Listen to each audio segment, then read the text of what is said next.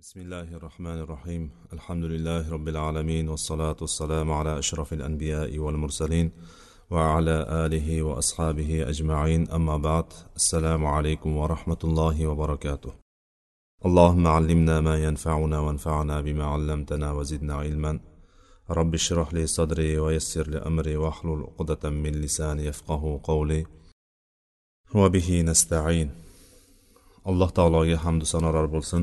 Payg'ambarimiz sollallohu alayhi vasallamga salovatu durudlar bo'lsin. Bugun yana riyoz solihin kitobini kelgan joyimizdan davom ettiramiz. Alloh qodir qilganicha zulmning haromligi haqidagi bobda davom etayotgan ekanmiz. Zulmning haromligi haqidagi o'tgan darsimizda bir nechta hadislar bilan tanishgan bo'luvdik. Bugun inshaalloh kelgan joyimizdan o'sha hadislarni davom ettiramiz. Zulmni har xil ko'rinishlarini muallif bitta bitta hadislarda keltirib o'tadi. Mana shu hadislar bilan imkoni boricha zulmda qanaqa turlari bor ekanligini ko'rib chiqishga harakat qilamiz. Zulmda o'tgan safar aytgandikki zulm umumiy olgan paytimizda ikkiga bo'linadi.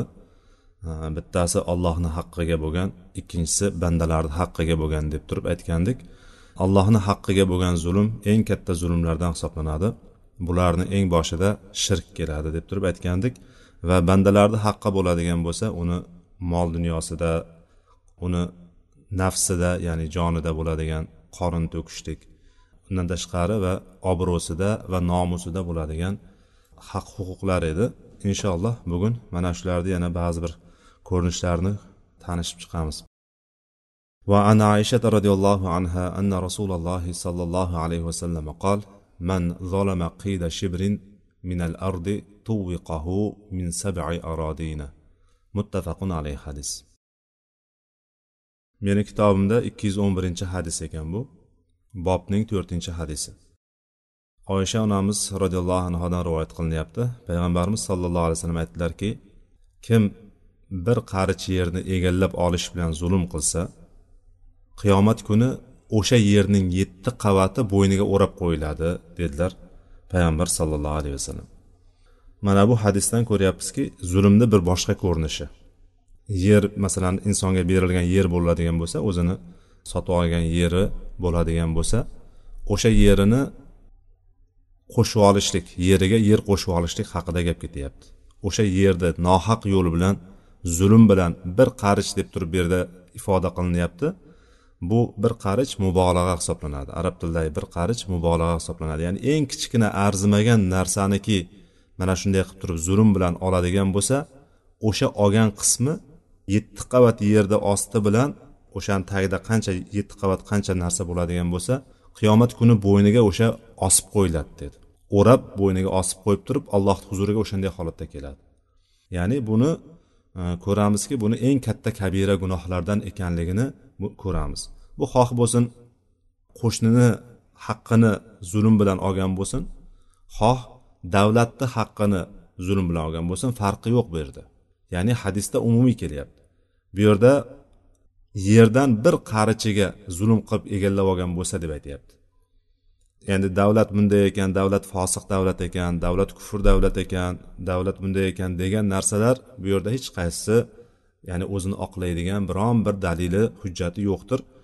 Qayerda bo'lishidan qat'iy nazar xoh qo'shninikini shaxs biron bir shaxsga nisbatan shaxsni e, mulkini o'zinikiga qo'shib olishlik bo'lsin. Xoh davlatni mulkini yerini o'ziga qo'shib olishlik bo'lsin hatto bir qarichgina bo'lsa ham hatto arzimagan bir qismiga bo'lsa ham balki bir necha santimetrdir o'shani siljitib qo'yishlik bilan bo'lsa ham yerga zulm qiladigan bo'lsa o'ziga egallab oladigan bo'lsa mana buni oqibati qiyomat kunida eng og'ir azoblardan bittasiga duchor bo'ladi ekan. U ham bo'lsa o'sha qismni yetti qavati bo'yniga ilib qo'yiladi ekan. Boshqa bir hadisda payg'ambarimiz sollallohu alayhi vasallam aytganlarki lana man g'ayyara manaral ard deganlar. Lana man g'ayyara manaral ard. Yer manorasini ya'ni yerni chegarasini o'ziga berilgan chegarani siljitgan o'zgartirgan odamga la'nat bo'lsin deganlar. Payg'ambarimiz sollallohu alayhi vasallam la'nat o'qiganlar bunga. Ya'ni la'natga duchor bo'lishlik degani allohni rahmatidan butunlay quruq qolishlik degani allohni rahmatidan uzoq bo'lib turib allohning g'azabiga duchor bo'lishlik degan. Mana bu la'nat payg'ambar sallallohu alayhi vasallam la'nat aytgan joylar bu hammasi kabira hisoblanadi. La'nat bo'lsin dedilar payg'ambarimiz. Bu hadisni imom muslim rivoyat qilganlar. Ali roziyallohu anhudan kelgan hadisda imom muslim rivoyat qilganlar. Bu hadisni mana shu yuqorida o'qigan hadis ya'ni bir qarich yerni kim zulm bilan egallab oladigan bo'lsa qiyomat kunida o'sha yerni yetti qavati bo'yniga o'rab qo'yiladi. O'rab osib qo'yiladi degan hadis mana bu hadisni har xil yo'llar bilan kelgan rivoyatlarda imom buxoriy va muslimni rivoyatlarida va albatta bular har xil ko'rinishlarda kelgan. Shuni bir voqeasi bir qissaga bog'lanadi. O'sha qissadan bittasi bu umaviylar xilofati davrida bo'layotgan voqea. Marvon rahimaulloh xalifa bo'lib turgan paytlarida bo'ladigan voqeada bir arvo binti uvays degan bir ayol meni yerimni egallab oldi meni yerimni mana shu zulm bilan oldi deb turib asharai mubashsharadan bo'lgan said ibn zayd said ibn zaydga tuhmat bilan keladi. Qozini ya'ni xalifani yoniga qozilikka olib chiqadiki mana shu meni yerimni zulm bilan oldi deb turib o'sha yerda o'sha yerni o'zlashtirishlikka qasam bilan olib keladi. Ana o'shanda said ibn zayd qattiq bundan ta'sirlanadi tuhmatdan juda qattiq dillari og'riydi bo'p ham bu kishi asharay mubashsharadan ya'ni payg'ambarimiz sollallohu alayhi vasallam o'nta jannat bashorat qilgan sahobalardan bittasi. Bu kishi duosini ijobatligi bilan tanilgan sahobalardan biri. Qattiq ranjiydi va o'shanda aytadiki mana shu hadisni keltiradi. Men qanday ham mana shuni payg'ambarimizdan kelgan mana shu hadisni bilgan holatda men qanday qilib turib bu yerga zulm qilishligim mumkin deydi. Xullas o'shanda men bu yerdan kechdim deydi. O'sha yerni bunga beradi. O'sha yerda agarchi bu haqli bo'lib tursa ham o'zini yerini o'sha yerda men payg'ambarimizdan shuni eshitgan holatda qanday qilib zulm qilishi mumkin? Bu yer menga kerak emas deb turib bunga beradi va orqasidan duoibat qiladi. Ey olloh deydi agar mana shu xotin yolg'on so'zlayotgan bo'lsa yolg'on gapirib mana shu yerni nohaq olayotgan bo'lsa deydi buni ko'zini ko'r qilgin. Va mana shu yerni buni joyi qilgin qabri qilgin deb turib duo qiladi. Mana shu duoibatidan keyin o'sha xotin borib turib umrini bir qismiga borganda ko'zini ko'r bo'lib qolganligini rivoyat qilishadi. Va o'sha yerga o'sha boyagi said roziyallohu anhudan olgan yeriga bir chuqur qazdirib qo'ygan ekan. Nimadir maqsadda quduqmi? Chuqur qazdirganda shu aylanib aylanib kelib turib ko'zi ko'rligidan aylanib aylanib kelib turib o'sha chuqurga tushib o'sha yerda o'ladi deb turib aytadi. Ya'ni bundan mana shu voqeani imom buxoriy va muslim o'zlarini kitoblarida rivoyat qilib keltiradi. Bundan ko'ramizki bu hadisdan oladigan foydamiz zulmni har qanday ko'rinishi harom. Alloh taolo bizga zulmni har qanday ko'rinishi harom qildi. O'tgan darsimizda bobning birinchi hadisini ham o'qigandikki abu zar roziyallohu anhudan kelgan hadisni aytgandiki alloh taolo men zulmni o'zimga harom qildim va bandalarim orasida ham uni harom qildim. Shunday ekan zulm qilmanglar dedi alloh taolo. Ya'ni bizga amr qildi buyurdi bizga alloh taoloki zulm qilmaysizlar dedi. Zulm qilmanglar deb turib buyurdi. Zulm bizga qilmasligimiz tark qilishligimiz bizga vojib bo'ldi. Zulmni qilishlik bizga harom bo'ldi. Demak mana shundan ko'rinyaptiki zulmni har qanday ko'rinishi bu haromdir va zulm oxiratda albatta jazosi albatta shiddatli bo'ladi juda qattiq bo'ladi. Mana hozirgi holatda ham bir qarich yer bo'lsa ham yetti qavat osti bilan bo'yniga ilib qo'yilishligi bu narsa hazil narsa emas bu. Va odamlarni haqlariga zulm qilishlik odamlarni haqqiga tajovuz qilishlikni ham bir qancha turlari bor ekan. Mana shu turlardan bittasi odamni haqqi mol mulkini yerga taalluqli bo'lgan qismini ham mana shu hadisda zikr qilinyapti. Э, va mana shu hadisdan yana bir foyda oladigan joyimiz. Yetti qavat yerning bor ekanligi. Yer ham yetti qavat ekanligiga hadisdan bir qancha dalillar bor. O'sha dalillardan bittasi mana yetti qavati bilan deb turib aytilayotgan joyi yerni ham yetti qavat ekanligiga ishora bor bu yerda ochiq dalil bor. Chunki qur'onda yerni yetti qavat ekanligi ochiq aytilmagan. Yetti qavat osmon deb gapiriladi. Alloh taolo yetti qavat osmonni va yerni yaratdi deganda yerni qavati aytilmasdan yerni bitta o'zini aytib ketilinadi. Qur'onda qayerda qaraladigan bo'lsa. Lekin bitta joyda ishora bor. Bitta shu taloq surasida ishora bor. Allohullazi xalaqa sab'a samawati va minal ardi mislahun degan oyat bor. Mana shu oyat ishora bor. Yetti qavat osmonni va yerdan shunchasini deyapti. Yerdan uning mislicha unga o'xshaganini yaratgan olloh deb gapiryapti. Oyatda mana shu oyatda yetti qavat osmon gapirilgandan keyin yerdan ham o'shanchasini deb gapirilyapti. Bu yerda yerda ham yetti qavat ekanligiga ishora deb turib olimlar qur'onda bitta mana shu yerda ishora bor va hadislar bilan bu narsa quvvatlanadida yer ham yetti qavat deb turib aytishadi. Bu mana shu hadisimizdan oladigan bitta foydamiz ekan. Keyingi hadis an abi musa roziyallohu anhu qola qola rasululloh sollallohu alayhi vasallam إن الله لا يملي للظالم فإذا أخذه لم يفلته ثم قرأ وكذلك أخذ ربك إذا أخذ القرى وهي ظالمة إن أخذه أليم شديد abu muso roziyallohu anhu abu muso al ashariy roziyallohu anhu rivoyat qilyapti rasululloh sollallohu alayhi vasallam shunday dedilar shak shubhasiz alloh taolo albatta zolimga muhlat beradi muhlat deganimiz muddat berib qo'yadi. Uni tavbaga kelishligiga zulmidan to'xtashligiga alloh taolo unga muhlat berib qo'yadi. Ana endi agar uni ushlaydigan bo'lsa uni agar jazolaydigan bo'lsa unga qutulishga bironta imkon bermaydi. Hech qanday imkon bermaydi. Va so'ngra payg'ambar sallallohu alayhi vasallam qur'ondan shu oyatni o'qidilar. Bu aytgan gaplariga qur'ondan dalil keltirib ketdilar payg'ambarimiz. وكذلك أخذ ربك إذا أخذ القرى وهي ظالمة إن أخذه أليم شديد. alimun zolim bo'lgan shaharlarni ushlaganda zolim bo'lgan ahli zolim bo'lgan kishilarni bu yerda ahzal quro deb kelyapti. Ahozal quro bir qishloqlarni yoki shaharlarni ushlaydigan bo'lsa vahiya zolimatun u zolim bo'lgan holatdagi deb aytilyapti. Ya'ni aholisi zolim bo'lgan xalqlarni alloh taolo ushlagan paytda mana shunday ushlar deyapti. Bu oyatda bundan oldingi oyatlarga bog'lanadi.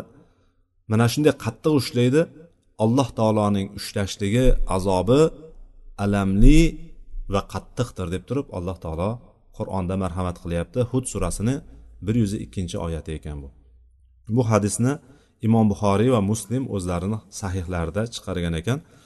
Mana bu yerda e, ko'ryapmizki endi zulmga ma'lum bir muhlat berib qo'yganligini ko'ryapmiz.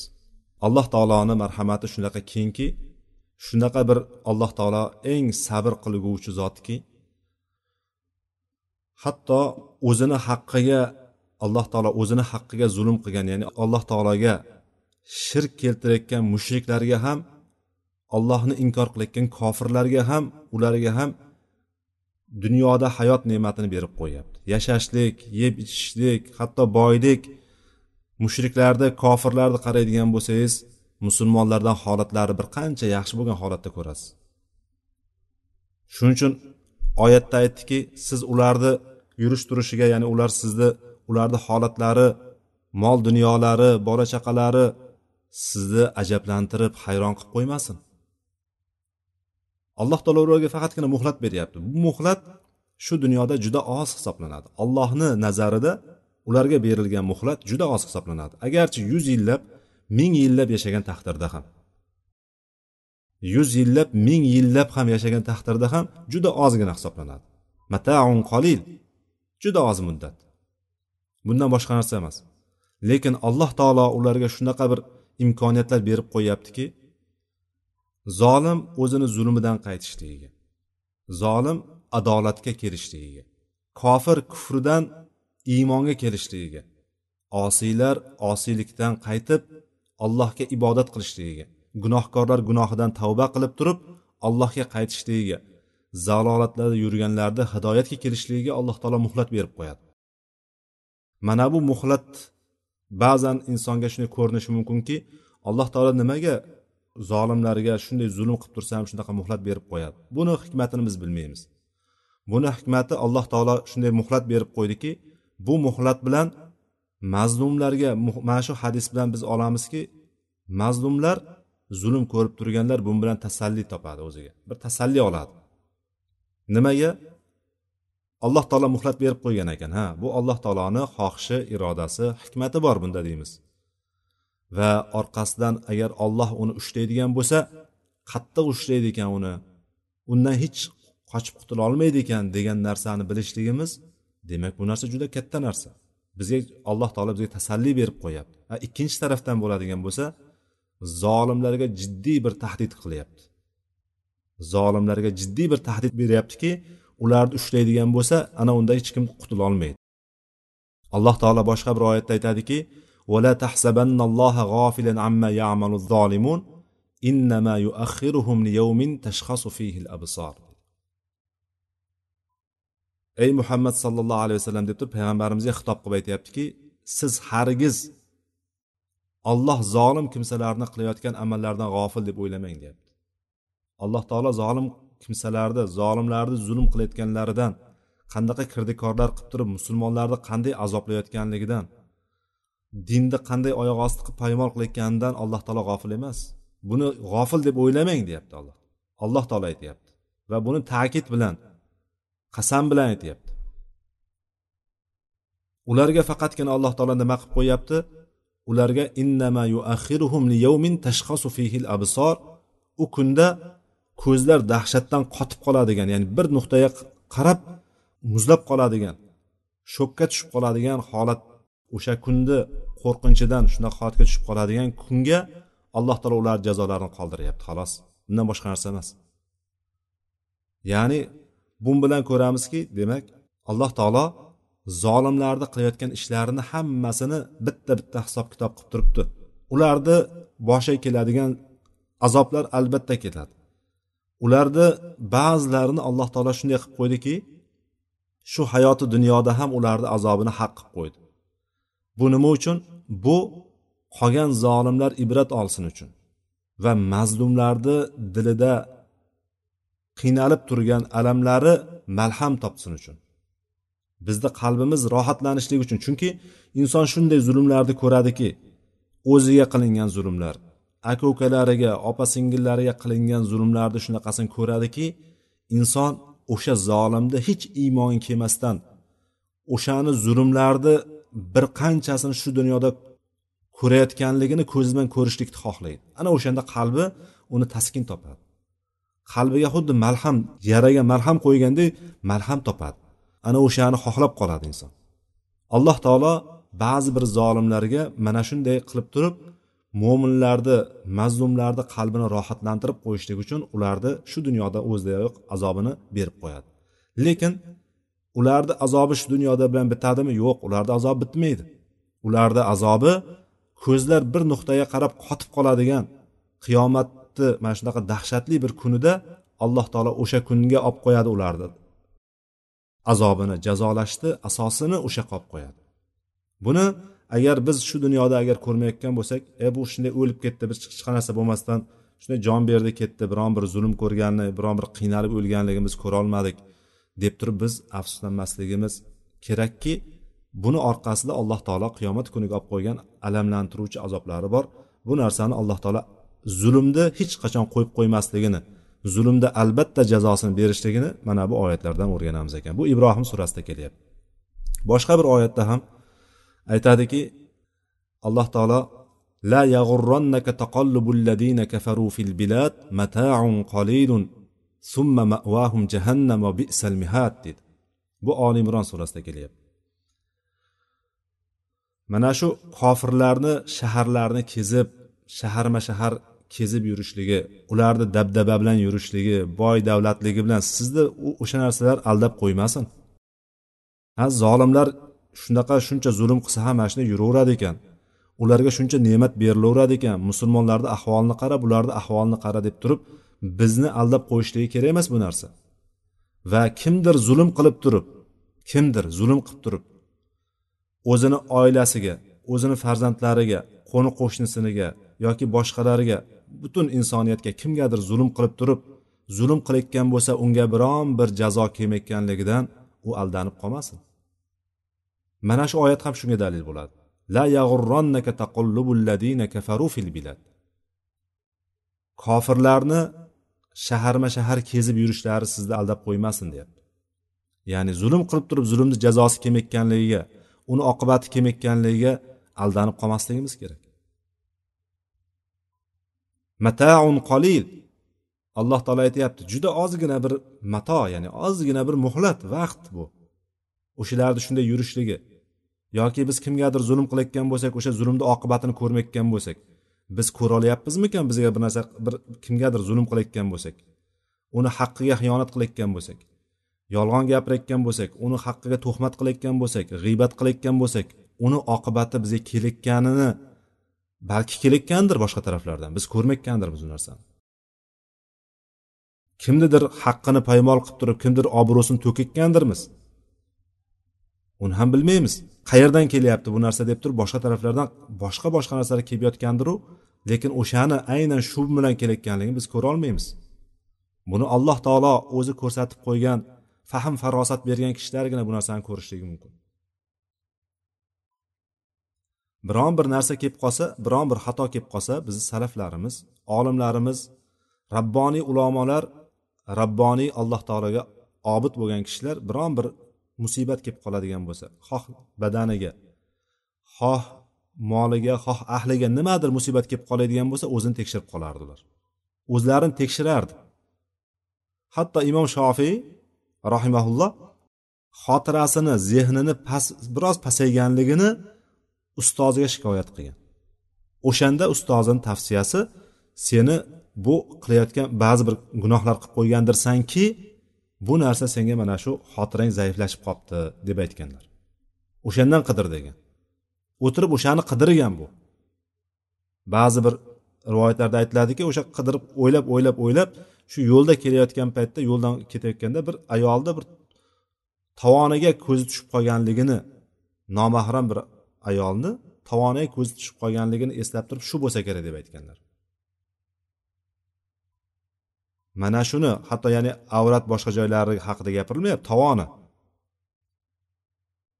Ayol kishini ba'zi bir mazhablarda oladigan bo'lsak butun hamma joyi avrat hisoblanadi albatta. Lekin aslida hanafiy mazhabida oladigan bo'lsak tovon avrat joy hisoblanmaydi. Yuz kaft tovon masalan avrat joy hisoblanmaydi. Lekin o'shani ham ko'rib turib o'shani demoqchi bo'lgan joyim bu yerda bunga aloqasi bo'lgan joyim hatto o'zlaridan ko'rardi har bir narsani. Bizchi har qanday bir narsani qilgan bo'lsak orqasidan xuddi aldanib qolyapmiz. Demak biz o'zimizni o'zimiz doimiy tekshirishimiz kerak. Alloh taolo nima deyapti? Mataun qolil summa ma'vahum jahannam va bi'sal mihat o'sha kofirlar shaharma shahar yurgan kofirlar ularga bir ozgina bir muhlat berib qo'yildi ozgina bir dunyo matosi berib qo'yildi. So'ngra ularni boradigan joyi jahannamdir. Naqadar yomon joy u deyapti alloh taolo. Demak zolimlarni bizni aldab qo'ymasligi kerak. Bu hadisdan oladigan foydalarimiz demak yana bir takrorlab o'tamiz. Alloh zolimlarga osiylarga gunohkorlarga buni muhlat berib qo'yadi. Fursat beradi. Ularni mana shu qilgan gunohlaridan zulmlaridan qaytishligiga bir fursat berib qo'yadi. Agar bu fursatdan unumli foydalansa foydalandi. Unumli foydalanmaydigan bo'lsa yuqorida aytilgan jazolarga xoh shu dunyoda bo'lsin. Oxiratdagisi aniq hech qanday bir e, unga shak shubha yo'q qat'iy bo'lgan azobni ko'radi qattiq azobni ko'radi. Va bundan oladigan bu hadisdan oladigan foydamiz yana bittasi shuki tavba eshiklarini qiyomatgacha ochiq qolishligi buni tavba bobida tavba haqida kelgan bo'limda kitobimizda bu haqda o'qigandik. Yana bir eslatma bo'lyaptiki tavba eshiklari ochiq. Tavba eshiklari ochiq qiyomat kunigacha ochiq turadi. Va insonni har bir insonga xos bo'ladigan tavba eshiklarini yopiladigan joyi joni bo'g'oziga kelib qolgan paytda. G'arg'ara o'lim g'arg'arasiga kelib qolgan paytda. Ana o'sha holatda tavba qilsa tavbasi qabul bo'lmaydi. O'shangacha alloh taologa har qancha tavba qilsa yetib boradi o'sha tavbasi alloh taolo uni tavbasini qabul qiladi. Va alloh taoloni marhamatini juda kengligini ko'ramiz bu o'rtada. Alloh taoloni marhamati juda kengki alloh taolo ularga muhlat berib qo'yyapti bu ollohni bandalariga bo'lgan fazli va adolatidir. Fazli bilan alloh taolo shu dunyoda ularga muhlat beryapti. Adolati bilan ertaga qiyomatda muomala qiladi. Agar u tavba qilmaydigan bo'lsa adolati bilan alloh taolo muomala qiladi. Kim alloh taoloni agar hisob kitobiga adolatiga duchor bo'ladigan bo'lsa albatta yutqazadi. Chunki u kunda hech bir har qancha eng kichkina narsa qilgan yaxshiligimiz ham olib kelinadi eng kichkina qilingan yomonligimiz ham olib kelinadi ana o'sha bilan hisob qilinadi. Alloh taolo bizni zulmni har qanday turlaridan o'zi e, saqlasin o'zi bizda o'sha zulmlardan uzoq yurishligimizni zulmni zulm ekanligini ko'ra olishlikni va undan uzoq bo'lishligimizni nasib qilsin. Undan keyingi hadis. Ikki yuz o'n ikkinchi hadisga kelibmiz وعن معاذ رضي الله عنه قال بعثني رسول الله صلى الله عليه وسلم فقال إنك تأتي قوما من أهل الكتاب فادعوهم إلى شهادة أن لا إله إلا الله وأني رسول الله فانهم أطاعوا لذلك فأعلمهم أن الله قد افترض عليهم خمس صلوات في كل يوم وليلة فإنهم أطاعوا لذلك فأعلمهم أن الله قد افترض عليهم صدقة تؤخذ من أغنيائهم فترد على فقرائهم. فإنهم أطاعوا لذلك فإياك وكرائم أموالهم. واتق دعوة المظلوم فإنه ليس بينها وبين الله حجاب. متفق عليه حديث. muoz ibn jabal roziyallohu anhudan rivoyat qilinyapti muoz ibn jabal bilamiz sahobalarni eng faqihlardan bo'lgan yosh sahobalardan bittasi. Payg'ambarimiz sollallohu alayhi vasallam meni deyapti jo'natayotganda shunday dedilar bu yerda hadisda qayerga jo'natayotganligi zikr qilinmayapti bu kishini yamanga jo'natganlar. Yamanga voliy qilib turib va zakotlarni yig'ishlik vazifasi topshirilgan holatda jo'natganlar. Muoz ibn jabalni va aytdilarki payg'ambarimiz o'shanda meni jo'natayotganlarida aytdilarki sen albatta sen ahli kitobdan bo'lgan bir qavmni yoniga ketyapsan. Ularni borganingda ularni birinchi chaqiradigan narsang allohdan boshqa haq iloh yo'q va meni payg'ambar aytyapti meni ollohning rasuli ekanligimga shahodat keltirishlariga chaqirgin dedilar. Ya'ni ilk chaqiradigan narsa shahodat kalimasiga chaqirishlik. O'shanga chaqirgin. Agar ular bunga itoat qilsalar ularga bildirginki ularga xabar berginki o'rgatginki alloh taolo bir kecha kunduzda har bir har kuni bir kecha kunduzda ularga besh vaqt namozni farz qilganligini ularga bildirgin. Agar bunga ham itoat qiladigan bo'lsa ular ularga alloh taolo boylardan olib kambag'allariga qaytarib beriladigan boylardan olib kambag'allarga beriladigan sadaqani ya'ni zakotni farz qilganligini ularga bildirgin dedilar. Agar ular bunga ham itoat qiladigan bo'lsa unda sen ularni mollarini olayotgan zakotlaringni eng yaxshisini olishlikdan ehtiyot bo'lgin undan uzoq turgin dedilar. Va orqasidan aytdilarki mazlumning duosidan qo'rqqin dedilar. Mazlumning duosidan qo'rqqin chunki uning duosi bilan ollohning o'rtasida hijob yo'qdir ya'ni parda yo'qdir dedilar payg'ambarimiz sallallohu alayhi vasallam. Muttafaqun alayhi hadis. Mana shu hadisda demak bundan bir qancha foydalar juda keng ko'p narsalar olishligimiz mumkin lekin biz bu yerdan bu hadisdan qisman o'tib ketamiz chunki bu hadis hali yana kitobimizni boshqa bo'limlarida ham keladi balki oldin ham o'tgandir. Riyoz solihin kitobida yana bir ikkita joyda yana qaytariladi bu hadis. Ya'ni har birini o'rni kelganda har bir bobga bo'limga aloqador qismlarni aytib ketaveramiz inshaalloh e, eslatma bo'lib ketaveradi. Boshqa bir hadisni bu hadisni o'zi kutubi sittada hadis kitoblarimizda kelgan bir qancha lavzlardan bir qancha ko'rinishlarda kelgan. Bu rivoyat va bir qancha sahobalar tarafidan rivoyat qilingan. O'sha muoz ibn jabalni jo'natilayotgan paytida. Boshqa bir e, rivoyatda payg'ambarimiz sallallohu alayhi vasallam o'sha yamanga jo'natayotgan paytida termiziyda rivoyat bilan keladi bu. Payg'ambarimiz so'radilar muozdan sen yamanga borganingda nima bilan hukm qilasan? deb so'radilar. Ya'ni unga voliylikni topshirgandan keyin o'sha yerga borib o'sha yerda hokimi bo'lgandan keyin hamma masala bunga kelardi. Dinni o'rgatishlik ham zakotni yig'ishlik ham xalqni boshqarishlik ham. O'shaning uchun payg'ambarimiz bundan so'radiki sen yamanga borganingda nima bilan hukm qilasan dedilar. Muoz aytdiki allohni kitobi bilan dedi ya'ni qur'on bilan dedi. Agar kitobda topolmasangchi o'sha masalani dedilar. Payg'ambarimiz agar qur'onda o'sha masalani topolmasang nima qilasan dedi.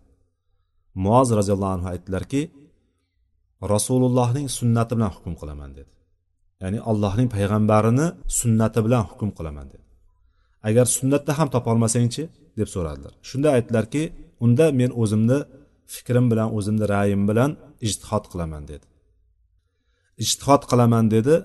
Shunday degandan keyin payg'ambarimiz sallallohu alayhi vasallam aytdilarki rasulullohning rasulini deb gapirdilar. Ya'ni bu degani ollohning elchisini elchisi degani yoki biz qisqaroq qilib aytamiz tushunarliroq bo'lsin. Rasulullohning elchisini rasulullohni xushnud qiladigan rasulullohni xursand qiladigan bir narsada muvaffaq qilib qo'ygan allohga hamd bo'lsin dedilar. Ya'ni bu yerda muoz roziyallohu anhuni qanchalik bir faqih sahoba bo'lganligi ma'lum bo'ladi. Muoz roziyallohu anhuni qanchalik faqih bo'lganligi. Ya'ni payg'ambarimiz sollallohu alayhi vasallam men o'zim ishtihod qilaman deganlaridan payg'ambarimiz xursand bo'ldilar. Ya'ni ilk murojaat qiladigan kitobimiz qur'on undan keyin sunnat ana undan keyin qur'on va sunnatdan umumiy bilgan narsalari doirasida ishtihod qilishdik payg'ambarimiz mana shu narsadan xursand bo'ldilar va mana shunga allohga hamd aytdilar. Payg'ambar xursand bo'ladigan narsada payg'ambarning elchisini muvaffaq qilib qo'ygan uchun alloh taologa hamd bo'lsin deb turib hamd aytdilar. Mana bundan ko'ramizki muoz roziyallohu anhu fiqhini. Muoz roziyallohu anhu yamanga hijriy to'qqizinchi yilda jo'natilgan. Hijriy to'qqizinchi yilda. Payg'ambarimiz sollallohu alayhi vasallam o'shani jo'natayotgan paytida bundan keyin balki sen bilan ko'rishmasak kerak balki degan ko'rish nasib qilmas deb turib jo'natganlar. Mana shunda ahli kitobga qanday muomala qilishlikni payg'ambarimiz ko'rsatyaptilar ahli kitobga. Ahli kitob bo'lishiga qaramasdan ularni tavhid aqidasidan uzoqlashib ketgandi bular. Yahudlar ham nasroniylar ham uzoqlashib ketgandi. Yamanda ham xristianlar bo'lganligi ham shu yahudlar bo'lganligi aytilsa ba'zi bir kitoblarda aytiladiki ba'zi bir e, manbalarda u yerda yahudiylar bo'lgan ko'proq deb aytadi ahli kitoblarda qanday bo'lgan taqdirda ham ahli kitob deganimizda ikkalasini ham ichiga olib ketadi. Nasroniylarni ham yahudiylarni ham. E, nima uchun payg'ambarimiz sallallohu alayhi vasallam ularni shahodatga chaqirtirdi? Chunki ular islomdan uzoqlashib ketgan odamlar edi. Ular dinlari asli islom bo'lishiga qaramasdan turib yakka xudolikka yakka allohga ibodat qilishlikka asoslangan bo'lishiga qaramasdan ular dinlardan uzoqlashib ketgan va tavhid aqidasidan juda uzoq bo'lib ketib qolgan odamlar mana shuning uchun e, payg'ambarimiz sallallohu alayhi vasallam ularga ilk da'vat qiladigan narsasi tavhid kalimasi bo'lishligini aytdilar. Tavhid kalimasi ya'ni allohdan boshqa hech qanaqa iloh yo'q degandan keyin payg'ambarimiz sallallohu alayhi vasallamni allohni payg'ambari ekanligi yuborgan elchisi ekanligiga iymon keltirib o'shanga shahodat keltirishlikni aytdi. Va mana shu hadisdan ko'rinadiki bu hadisni davomida faqatgina kalimai shahodatni aytishlikni o'zi yetadimi yetmaydimi? Islomiy da'vatni ilk birinchi bosqichi kalimai shahodatni o'rgatishlik. Islomni o'rgatishlik ya'ni. Kalimai shahodatni o'rgangandan keyin inson bo'ldi endi ish bitdi degani emas bundan ko'rinadiki islomni keyingi amallari unga majburiy ekanligi kelib chiqadi. Chunki payg'ambarimiz sallallohu alayhi vasallam davomida agar bunga itoat qilishsa ya'ni shahodat kalimasini aytishadigan bo'lsa ular ularni bir kunda besh vaqt namoz o'qishligini buyurdi deb turib namozga buyur ularni dedi. Namoz o'qishligi shart bo'ladi. Xuddi shuningdek zakot berishligi shart bo'ladi. Nimaga payg'ambar sallallohu alayhi vasallam bu o'rinda deydi? Ba'zi masala bor. Nimaga payg'ambar sallallohu alayhi vasallam bu o'rinda ro'zani va hajni zikr qilmadilar? Degan bir savol tug'iladi. Islomni beshta rukni emasmi bu? Yoki bu ro'za bilan haj namoz bilan ro'zachalik ahamiyatga ega emasmi degan narsa kelib chiqadi yo'q unday emas. Dinimizdagi eng asosiy narsalar hammasi mana shu islomni beshta rukni ham eng asosiy narsalar hisoblanadi. Lekin qilishligi kerak bo'lgan birinchi qadami boyagi namoz bilan zakot bo'lganligi uchun payg'ambarimiz ularni ahamiyatini oldinga chiqardi deb aytadi. Chunki bilamiz ro'za ikkinchi yilda hijriy ikkinchi yilda farz bo'ldi. Haj ham hijriy to'qqizinchi yilda farz bo'ldi. Shundaymi? Hijriy sakkizinchi yilda ya'ni to'qqizinchi yilda e, birinchi haj qilindi. To'qqizinchi yilda farz bo'ldi. Shunga qaramasdan va muoz roziyallohu anhu yamanga jo'natilishidan bir necha oy oldin farz bo'lgandi haj ham. Ya'ni bularni payg'ambarimiz sallallohu alayhi vasallam ularni aytmadilar lekin asosiy narsani ko'rsatdilarki bu bilan degani qolgan farzlar ham bularni bo'yniga tushadi degan. Payg'ambarimiz ulardan ba'zisini keltirdilar. Mana shunday deb tushunishligimiz kerak bo'ladi. Demak shahodat kalimasini aytgan kishiga islomda qolgan hukmlari ham farz bo'lib tushadi. Va bu yerda zulmni bir boshqa ko'rinishi zikr qilinyapti.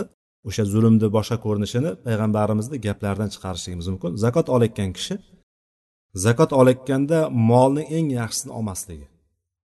Chunki molini eng yaxshisini olishligi bilan unga ziyon berishligi mumkin. Unga zarar berishligi mumkin. Zakotni eng yaxshisini olishlik bilan. Shuning uchun bu yerda payg'ambarimiz ularni eng yaxshisini olishlikdan biroz ehtiyot bo'lgin o'shandan saqlangin dedilar.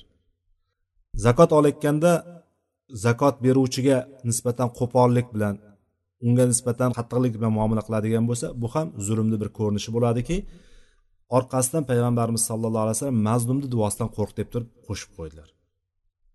Agar sen ularga boshqacha ya'ni ularga adolat bilan muomala qilmaydigan bo'lsang zulm qilgan bo'lasan degan narsa kelib chiqadi. Adolat bilan ularga hukm qilmaydigan bo'lsang adolat bilan muomala qilmaydigan bo'lsang xos zakot olishlikda bo'lsin. Xoh odamlarni o'rtasida hukm qilishlikda bo'lsin. Sen ularga zulm qilgan bo'lasan. Zulm mazlum bilan allohni o'rtasida parda yo'q dedilar. Mazlumni duosi bilan allohni o'rtasida hech qanaqa parda yo'q ya'ni uni to'sadigan biron bir narsa yo'q. Alloh taolo duo qilsa alloh taologa duo qilsa alloh taolo duosini ijobat qiladi dedilar. Bu bilan bu tavsiya payg'ambarimiz sallallohu alayhi vasallam bu tavsiyalari zolimni zulmini tiyib qo'yishlikka bo'lgan zolimni zulmini oldini olishlikka bo'lgan va mazlumni bo'lsa sabr etishlikka bo'lgan targ'ib bor bu yerda zolimni zulmini oldini olishlik va mazlumni bo'lsa sabr etishlikka sabr qilishlikka targ'ibi bor bu yerda chunki men mazlum bo'lib qoldim deb turib duo qilib qo'yadigan bo'lsa masalan inson o'zini ahliga o'zini oilasiga o'zini farzandiga yoki shunga o'xshagan yaqinlariga men zulm ko'rdim deb turib birdan duo ibatga o'tib ketib qolaveradigan bo'lsa duo ijobat bo'lib ketib qoladigan bo'lsa ertaga o'zini kechirolmay yuradi. Ya'ni shu bilan demak mazlumni o'rtasida allohni bir alloh bilan mazlumning duosini o'rtasida hijob yo'qmikan biron bir to'sib turadigan narsa yo'qmikan alloh taolo buni qabul qiladi. Shuning uchun zolimlar uyda zulm qilib qo'yganlar nohaq ish qilganlar birovni haqqini yeganlar yoki birovni haqqiga noto'g'ri hukm chiqarganlar deylik. Bular xotirjam uylarida uxlaydigan bo'lsa lekin mazlumni ko'zi uxlamaydi. Mazlum ich ichidan doimiy tarzda o'sha narsani o'ylab o'sha narsadan qiynalib tinimsiz allohga yalinib yolvoradi. Mana shuning uchun mazlumni duosidan qo'rqishlik kerak ekan. Bu mazlumni duosini ijobat qilishligida alloh taolo bu yerda iymonni shart qilmadi. Payg'ambarimiz sollallohu alayhi vasallam iymonni shart qilmadilar. Shuning uchun mazlumni duosi xoh u kofir bo'lsin xoh musulmon bo'lsin xoh munofiq bo'lsin kim bo'lishidan qat'iy nazar nohaqlik qilingan kim bo'ladigan bo'lsa haqqi yeyilgan haqqi tortib olingan haqqi poymol qilingan kim bo'ladigan bo'lsa o'sha mazlum kishi duo qiladigan bo'lsa alloh taolo uni duosini ijobat qiladi. Mana shuning uchun uni har qanday zulm turlaridan biz ehtiyot bo'lishligimiz kerak ekan. Bu hadisdan oladigan foydalarimizdan yana bittasi zakot olinadigan bo'lsa zakot olinadigan bo'lsa zakotni o'sha yerdagi kishilarga yoki bo'lmasam boshqalarga va haqdor bo'lgan kishilarga berilishligi. Musulmonlargagina zakot berilishligi kelib chiqadi bu yerdan. Zakotni o'zi kimlarga berilishligi haqida qur'onda sakkizta o'ringa berishligi mumkinligi aytilingan. Kofirlarga va boylarga. Kofirlar deganimiz ma'lum endi. Kofirlar mushriklarga zakot berilmaydi. Undan tashqari aslan boy bo'lgan kishi. Boy kishiga zakot beriladigan bo'lsa zakoti zakot hisoblanmay qoladi. Va bir kunda bir kecha kunduzda besh vaqt namozni farz ekanligi. Ya'ni biz hadisdan olayotgan umumiy foydalarni aytyapmiz bu yerda. Shuning uchun aytib o'tib ketyapman. Bir kunda besh vaqt namoz nima ekan? Farz ekan. Ho'p undan tashqari yana oladigan foydalarimizdan bittasi davlatni boshqaruvchi rahbar. U prezident bo'lsin boshqasi bo'lsin podshosi bo'lsin kim bo'lishidan qat'iy nazar o'zini qo'lini ostidagi hokimlariga nasihat qilishligi kerak ularga tavsiyalar qilishligi kerak va ollohdan qo'rqishlarini ollohdan qo'rqishga da'vat qilishlik kerak va zulm qilib qo'yishlikdan ularni doimiy tarzda qaytarib turishlik kerak. Mana shu narsani olamiz. Va yana bitta oladigan bu texnik jihati foydadan bitta texnik jihati ya'ni ilmiy tarafi. Xabar vohid deymiz. Xabar vohid degani bir kishidan kelgan xabarni dinimizda hujjat bo'lishligi va o'shani qabul bo'lishligi kelib chiqadi. Va o'shanga amal qilishligimizni vojib ekanligi kelib chiqadi. Xabarul vahid degan bir kishidan kelgan xabar. Yoki boshqacha qilib aytganda xabarul ohad deydi. Mutavotirdan keyin turadigan narsa. Bu yerda qayerdan chiqardik buni? Qayerdan chiqardik? Xabari vohidni chunki muoz roziyallohu anhuni jo'natib bir kishini xabarini payg'ambarimizdan olib boryapti. Shundaymi? Bir kishi boryapti payg'ambarimizdan xabar olib boryapti. Boshqa rivoyatlarda ikki kishi jo'natilganligi bor. Ikki kishi bo'lsa ham xabarul vohid hisoblanadi. Chunki uchtadan kam bo'ladigan uchta va undan kam bo'ladigan bo'lsa xabarul ohat bo'ladi. Ohat xabar deyiladi bu. Ya'ni mutavotirga yetmagan xabar. Mana shundan payg'ambarimiz dinimizdagi eng muhim vazifalarni jo'natayotganda bir kishini jo'natyaptida va o'shan bilan amal qilishlikka buyuryapti. Bundan e'tiqod masalasi bo'lsin fiqh masalasi bo'lsin hukmlar masalasi bo'lsin bir kishidan kelgan ya'ni xabarul ohad xabarul vohid degan xabarlar keladigan bo'lsa o'shalarni qabul qilishlik ya'ni hadislar sahih bo'lsa yetarli. uni mutavotir hadis bo'lishligi shart emas dinimizda o'sha narsa hujjat hisoblanadi va bu narsaga amal qilamiz va bu narsani amal qilishligimiz vojib hisoblanadi mana shu hadisdan oladigan yana bitta foydamiz ekan undan keyingi hadis وعن أبي حميد عبد الرحمن بن سعد الساعدي رضي الله عنه قال استعمل النبي صلى الله عليه وسلم رجلا من الأزد يقال له ابن اللتبية على الصدقة فلما قدم قال هذا لكم وهذا أهدي إلي abu humayd abdurahmon ibn saad as saidiy roziyallohu anhudan rivoyat qilinyapti bu ansorlardan bo'lgan sahobalardan bittasi uhud g'azotidan boshlab turib undan keyin hamma g'azotlarga qatnashgan sahobalardan biri payg'ambarimiz sollallohu alayhi vasallamdan bir yuz yigirmataga yaqin hadis rivoyat qilgan sahoba ya'ni mana shu sahoba bizga aytib beryaptiki payg'ambar sollallohu alayhi vasallam bir kishini azd qabilasidan bo'lgan bir kishini ibn lutbiya degan bir kishini sadaqotlarga ya'ni zakot mollarini yig'ishlik vazifasini topshirdi. O'shanga boshliq qilib tayinladi. U kelgan paytda o'sha e, zakot mollarini yig'ib kelganda aytdiki mana bu sizlarga berilgan zakot dedida va bunisi bo'ladigan bo'lsa menga hadya qilindi dedi. Bu sizlarga man zakot yig'ib keldim. Mana bu zakot mollari bunisi esa meniki bu menga hadya qilindi dedi. فقام رسول الله صلى الله عليه وسلم على المنبر فحمد الله واثنى عليه ثم قال اما بعد فاني استعمل الرجل منكم على العمل مما ولاني الله فياتي فيقول هذا لكم وهذا هديه اهديت الي payg'ambarimiz sollallohu alayhi vasallam buni eshitgandan keyin minbarga chiqdilar. Alloh taologa hamd sano aytdilar. Va ammabad deganlaridan keyin aytdilarki men bir kishini sizlardan bo'lgan bir kishini alloh taolo menga topshirgan bir vazifaga uni boshliq qildim. O'sha vazifani unga topshirdim tayinladim. U keldida shunday deyapti. Mana bu sizlarga mana bu zakot sizlarga bunisi esa menga hadya qilingan bir hadyadir deb aytyapti dedi.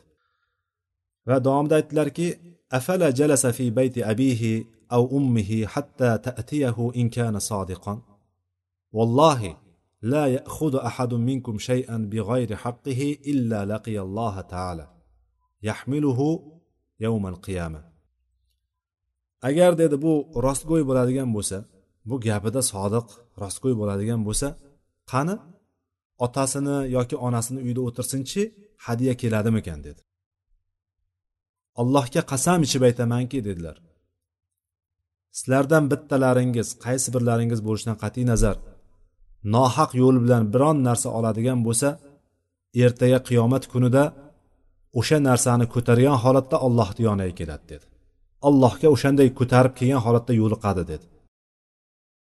Va aytdilarki orqasidan fala a'rafanna ahadan minkum laqiyalloha yahmilu ba'iran lahu rug'a'un أو بقرة لها خوار أو شاة تيعر ثم رفع يديه حتى روي بياض إبتيه فقال اللهم هل بلغت ثلاثا va orqasidan aytdilarki payg'ambarimiz sollallohu alayhi vasallam sizlarni ko'rmayin shunday holatda ertaga qiyomat kunida ollohni huzuriga allohni huzuriga kelayotgansizlar allohga yo'liqarkansizlar bittalaring baqirib turgan ya'ni bo'kirib turgan tuyasini ko'targan holatda.